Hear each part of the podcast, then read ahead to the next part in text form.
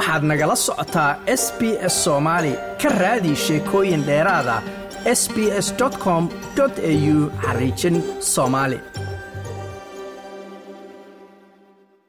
sidee looga badbaadaa dhibaatooyinka xeebaha badda astreeliya marka lagu dabaalanayo?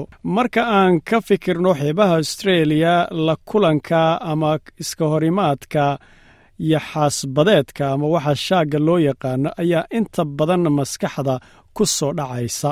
Waddanka astreeliya oo bad ku weegaaran sidii jasiirad weyn waxay leedahay noocyo kala duwan oo yaxaasbadeeda laakiin badi noocyada yaxaasbadeedku dhib badan kuma hayaan bani aadanka.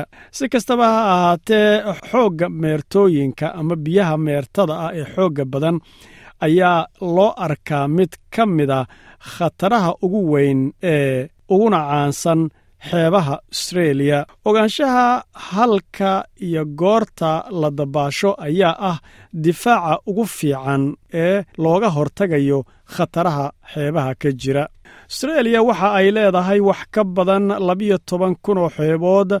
Wax ka mida boqolkiiba shan xeebahaasi ayaa la ilaaliyaa oo ay ilaaliyaan ciidamada badbaadadu. Isku celcelis keliya hal weerar oo daran ayaa la soo sheegaa labiyo tobankii biloodba iyadoose dhanka dadka biyuhu qaadaan ay isla muddada labiyo tobanka bilooda gaadhayaan boqol labaatan iyo laba qof badanka dadkaasi waxaa galaaftay sida warbixintu ay sheegayso meertooyinka biyaha. Shan daw waa maamulaha guud ee badbaadada xeebaha. Ciidamada badbaadada xeebuhu waxa ay sameeyeen kun samata bixina ama badbaadina sannaddii la soo dhaafay. Shan dow ayaa waxa uu leeyahay isagoo hadlaya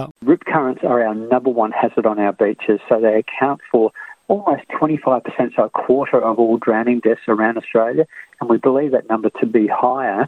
However, this is based on the numbers which have been witnessed. Meertada ayaa ah khatarahayaga koowaad ee xeebahayaga sidaa darteed waxay ku dhowaad rubuc ka yihiin ama ka matalayaan dhammaan dhimashada qarqoonka ee astreeliya waxaana aaminsanahay in tiradaasi ay ka badan tahay si kastaba ha ahaatee tani waxay ku salaysan tahay tirooyinka la arkay ama la ogaaday. Ugu dambayntii sannadkii la soo dhaafay waxaan haysannay ama dhacday boqol afartan iyo kow dhimasho ah oo ku qarqoomay xeebaha.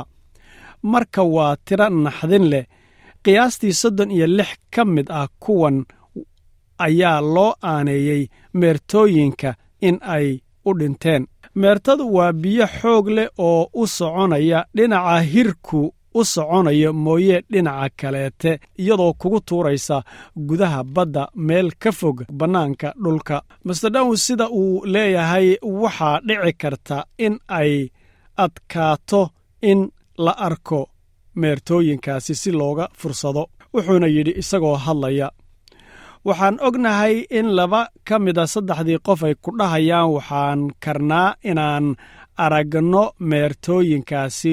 Waa ay gefsan yihiin kuwaasi.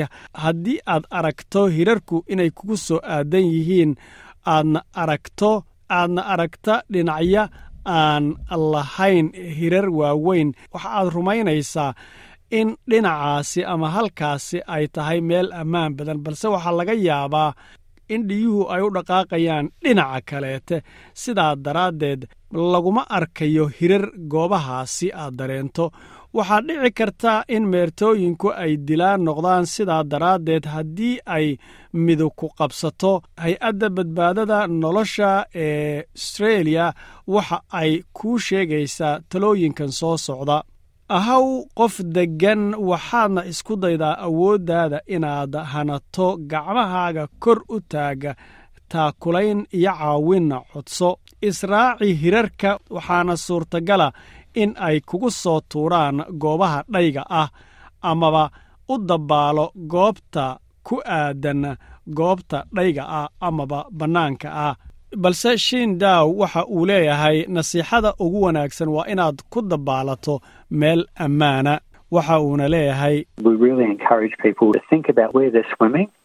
waxaan dadka ku boorinaynaa in ay ka fikiraan meesha ay ku dabaalanayaan awooddooda ay hantaan iyo kartida ay leeyihiin iyo meesha suurtagalka ah in ay joogaan dadka ilaalada badda ah ku dabaala ayuu yidhi goobta u dhaxaysa calanka casaanka ah iyo calanka jaallaha ah.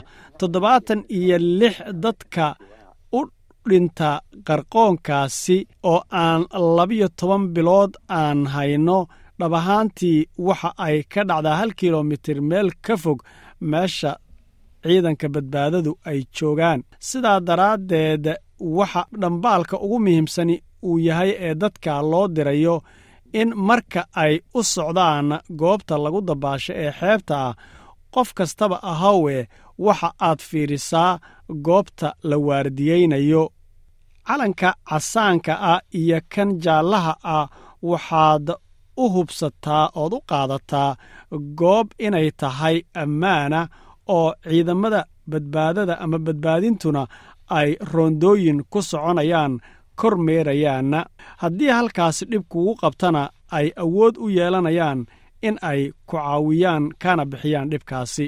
Si ka duwan qarqoonka xeebaha weerarrada iyo xaasbadeedku waa dhacdooyin aan caadi ahayn oo si goosgoosa u dhaca. Doctor foneb menger waa sargaalada ilaalinta duurjoogta ee taronga conservation society waxa ayna kaydisaa xogaha dhacdooyinka ee yaxaasbadeeda oo la diiwaan geliyey taniyo kun siddeed boqolkii. Waxay leedahay austreeliya waa waddanka labaad ee ugu badan xagga qaniinyada shaagga ama qaniinyada yaxaasbadeeda waddanka koowaad waa maraykanka bay tiri. Dhab ahaantiina waxaan ka soo kacnay isku celcelis ahaa sagaal qaniinyo sannadkii una dhexaysay kun sagaal boqol sagaashankii ilaa labadii kun iyadoo aan u soo kacnay labaatan iyo laba qaniinyo sannadkii oo u dhexaysay labadii kun iyo tobankii ilaa labadii kun iyo labaatankii. Nasiib wanaag dhankeenna hal qaniinyo oo keliya ayaa qaniiyooyinkaa si fara badan loo arkaa inay tahay wax daran ama mid khatara. Inkastoo ay jiraan kor u kac xaggaasi tirada qaniiyooyinka balse waxaa suurtagala inay ka qayb qaadatay arrimaha baraha bulshada oo markaasi soo dhiga wax walba. Kama dhigna inay badatay qaniinyadu balse waxay ka dhigan tahay inaan ogaanay wax kastoo dhacay. Sida la sheego liyaxaas badeedyadu ama shaaggu ma aha mid hilibka dadka bani'aadanka ah jecel oo si gaara u ugaadhsada mana ay noogu soo qastaan goobaha aan ku dabaalanno doctor mega ayaa waxa ay markaasi leedahay. Ma filayay tidhi inuu yahay yaxaasbadeedku mid u saliiliyooda hilibka dadka kuna soo ugaadhsada meesha aan ku dabaalanno oo naga jecel noolaha kaleeta ee badda ku jira. Dhab ahaantii waa si nasiiba ayuunbay ku helaan cuntadooda ama ay dadka iyo badda waxa ku jiraba ku qaniinaan. Waxay ka dhigan tahay in adigu markaasi aad meel khaldan joogto wakhti khaldanna aad joogto aad kuna soo beegantay isaga oo halkaasi jooga yaxaasbadeedku amaba goobta uu joogay aad ugu tagtay oo aad markaasi ka agdhowaatay lagana yaabo aad didin ku samaysay. Wax yar oo noocyada ka mida yaxaasbadeedka ayaa khatar bani aadanka ku haya sida uu leeyahay marsel green hogaamiyaha barnaamijka yaxaasbadeedka ee new south wales waxauna leeyahay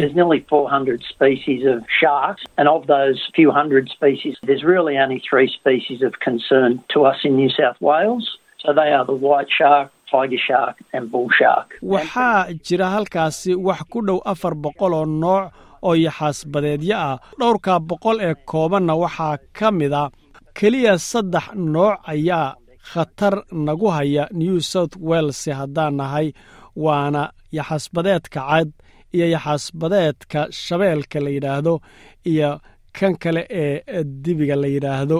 Ilaa heer sarena sidoo kaleete khatar ku haya western australia laakiinse yaxaasbadeedka shabeelku dhibkiisu waa yaryahay marka la eego western australia. Dhanka queensland noocyadaasi saddexda ah heer weyn bay iyaguna ka matelaan dhibkal balse waxaa iyagu ay haystaan toban ilaa labiyo toban nooc oo kaleete oo listada dad kuwa wax dhiba oogu jira. Noocyo kaleete ayaa jira oo iyagu aan inta badan dadka dhibin laakiin haddii markaana la argagax geliyo ama goobo ay iyagu markaasi iska joogaan dhib lagu sameeyo laga yaabo inay weyraxaan. Xogo ayaa jira lahayo oo australia ay kaydisay oo ku saabsan sida looga badbaado amaba loo ogaado waxyaabaha muhimka ah. Waxaa jira aabab free ah oo sidaa shark smart la yidhaahdo oo soo saaraya yaxasbadeedyada dhibka badan iyo sidoo kaleete waxyaabaha talooyinka ah ee loo baahan yahay talooyinka ugu muhiimsan ee lagu naseexeeyeyna waxa ay yihiin mar kasta inaad ku dabaalato goob ammaana oo la waardiyeeyo. Aadna ku dabaalato inta u dhaxaysa calanka casaankaa iyo midka jaallaha ah oo ka dhigan goob badbaado ah la waardiyeeyana haddii dhib yimaadana ay dhib yar tahay una badan tahay in qofkaasi la badbaadiyo waxaa jira helikobtaro iyo sidoo kaleete drownis iyagu laf ahaantoodu ka qayb qaata austreeliya dhexdeeda meelaha qaarkood oo sahmiya yaxaasbadeedka haddii ay arkaan yaxaasbadeed eriyada ka soo dhowaadayna markaasi allaamka loo garaaco dadka halkaasi ku dabaalanaya islamarkaana sabab loogu noqdo inay ka badbaadaan oo ay ka baxsadaan dhibaatadiisa. Ma doonaysaa sheekooyinkan oo kale? Ka dhegayso apple podcast google podcast spotify ama meel kasta oo aad bodkastigaaga ka hesho